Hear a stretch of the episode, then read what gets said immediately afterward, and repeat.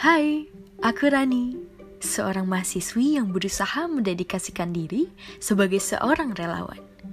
Mendedikasikan waktu, tenaga, hati, dan perasaan untuk terus berusaha membantu satu sama lain.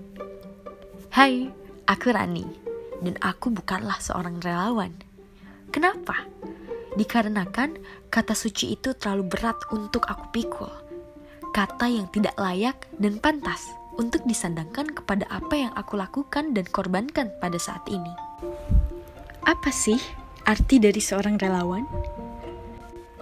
Jika kita merujuk dari buku The Campbell Code of Good Practice and Volunteering, bahwa seorang relawan adalah orang yang menyediakan waktunya, tidak dibayar, dan melakukan sesuatu yang berdampak positif bagi individu, kelompok, atau lingkungan. Definisi ini memberikan jawaban bahwa aku bukanlah seorang relawan. Kalian bisa sebut saja aku seorang manusia yang berusaha melakukan apa yang aku bisa dan aku mampu.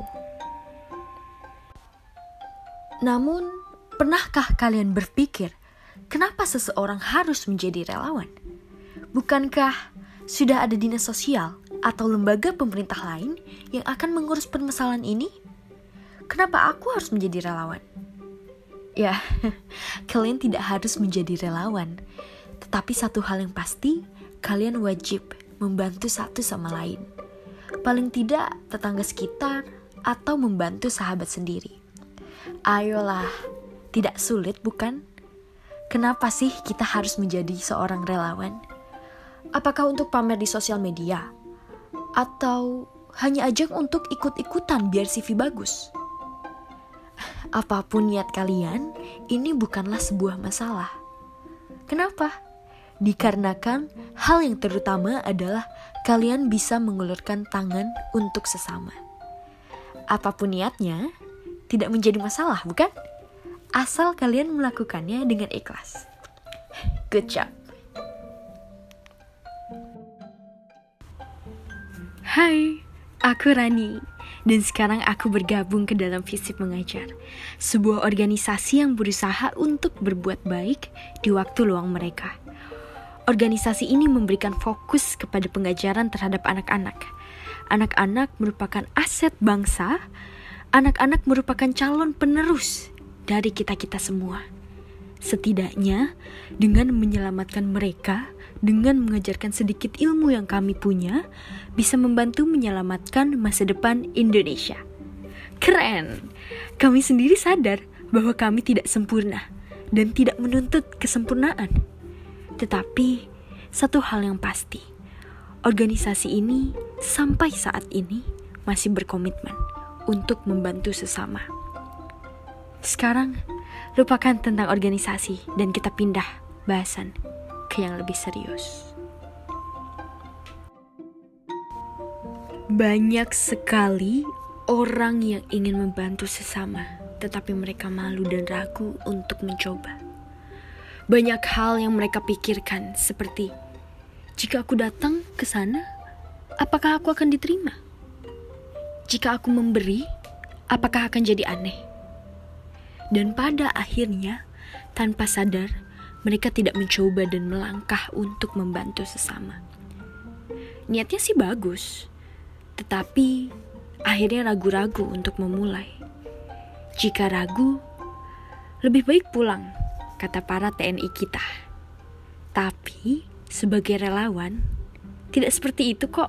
Santai, relawan sendiri memiliki banyak jenisnya, seperti relawan humanis, kebencanaan, konservasi, edukasi, dan lain sebagainya. Relawan acara juga merupakan relawan juga, tetapi bukan relawan seperti itu yang saya maksud pada saat ini. Jika kalian seorang relawan, berbanggalah dikarenakan kalian merupakan bagian dari segelintir orang yang peduli dan peka terhadap sekitar. Bukan hanya rasa peduli dan peka, kalian orang yang berhasil menerjemahkan rasa itu ke dalam perbuatan. Kalian boleh berbangga akan hal ini. Dan satu hal yang pasti, aku percaya bahwa setiap orang tidak membutuhkan pertolongan. Kenapa? Dikarenakan yang membutuhkan mereka kita pada akhirnya. Percaya atau tidak? Coba nikmati dan rasakan sendiri sensasinya. Aku percaya bahwa menolong seseorang bukan karena alasan mereka berteriak untuk meminta pertolongan, tetapi karena rasa kemanusiaan yang ada pada diri kita sendiri. Manifestasi dari rasa kemanusiaan inilah yang kemudian diterjemahkan ke dalam sebuah gerakan untuk memberikan pertolongan kepada sesama. Pada akhirnya, mereka tidak membutuhkan kita, tetapi kita membutuhkan mereka untuk menguji sejauh mana rasa kemanusiaan yang ada pada diri kita. Manusia akan berusaha memanusiakan manusia sendiri, bukan? Banyak kisah yang mengiringi kepada setiap rasa lelah, letih, serta tetes demi tetes keringat selama diriku menggeluti dunia ini. Baik, ini ceritanya. Ketika di saat aku dan temanku memberikan makanan fast food kepada seorang anak, aku dan temanku senang melihat dia makan ayam goreng dengan lahap. Saat sesudah selesai makan, dia langsung membuang makanan tersebut ke tempat sampah.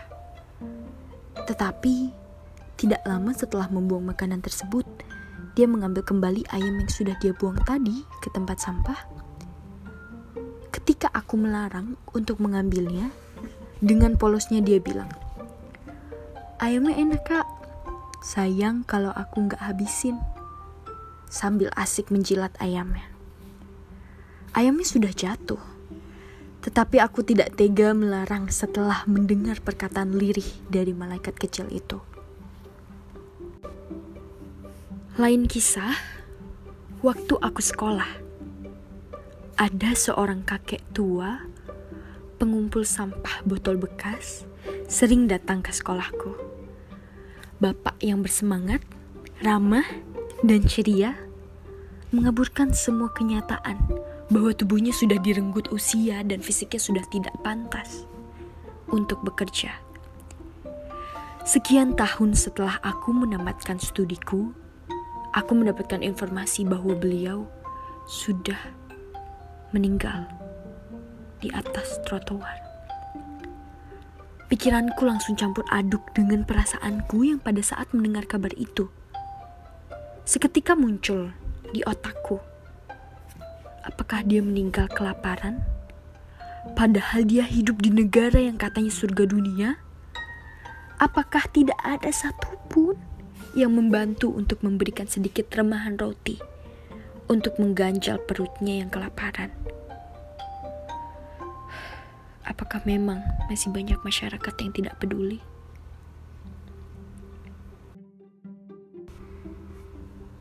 Kemudian dari situ Aku berkesimpulan bahwa menjadi seorang relawan tidak harus menunggu seseorang menderita dahulu, bukan? Seorang bapak yang selalu ceria dan tersenyum kepada dunia, tetapi di balik senyum manis dia sedang menahan kelaparan dan tidak ingin dunia tahu sama sekali. Pertanyaanku hanya satu: apakah kita masih pantas menganggap kita sebagai manusia? Intinya aku tidak ingin menjual kesedihan. Aku cuma ingin mengatakan, masih ada loh yang kelaparan di negara ini. Apakah kalian sadar? Bukan. Bukan hanya tentang kelaparan. Masih banyak di sekitar kita anak-anak yang tidak bisa membaca, berhitung, atau mendapatkan pengetahuan yang sama dengan diri kita. Kita sebenarnya tahu, tetapi ketika melihat itu, kita mendadak buta saja. Hai, aku Rani. Masih menjadi manusia yang akan berusaha untuk mendedikasikan hidupnya dan menyebar kebaikan. Menyebarkan kebaikan dengan daya, usaha, dan pengorbanan yang harus aku lakukan. Aku sadar berbagai usaha kebaikan yang aku lakukan tidak akan pernah cukup. masih banyak keterbatasan dari diriku untuk membantu sesama.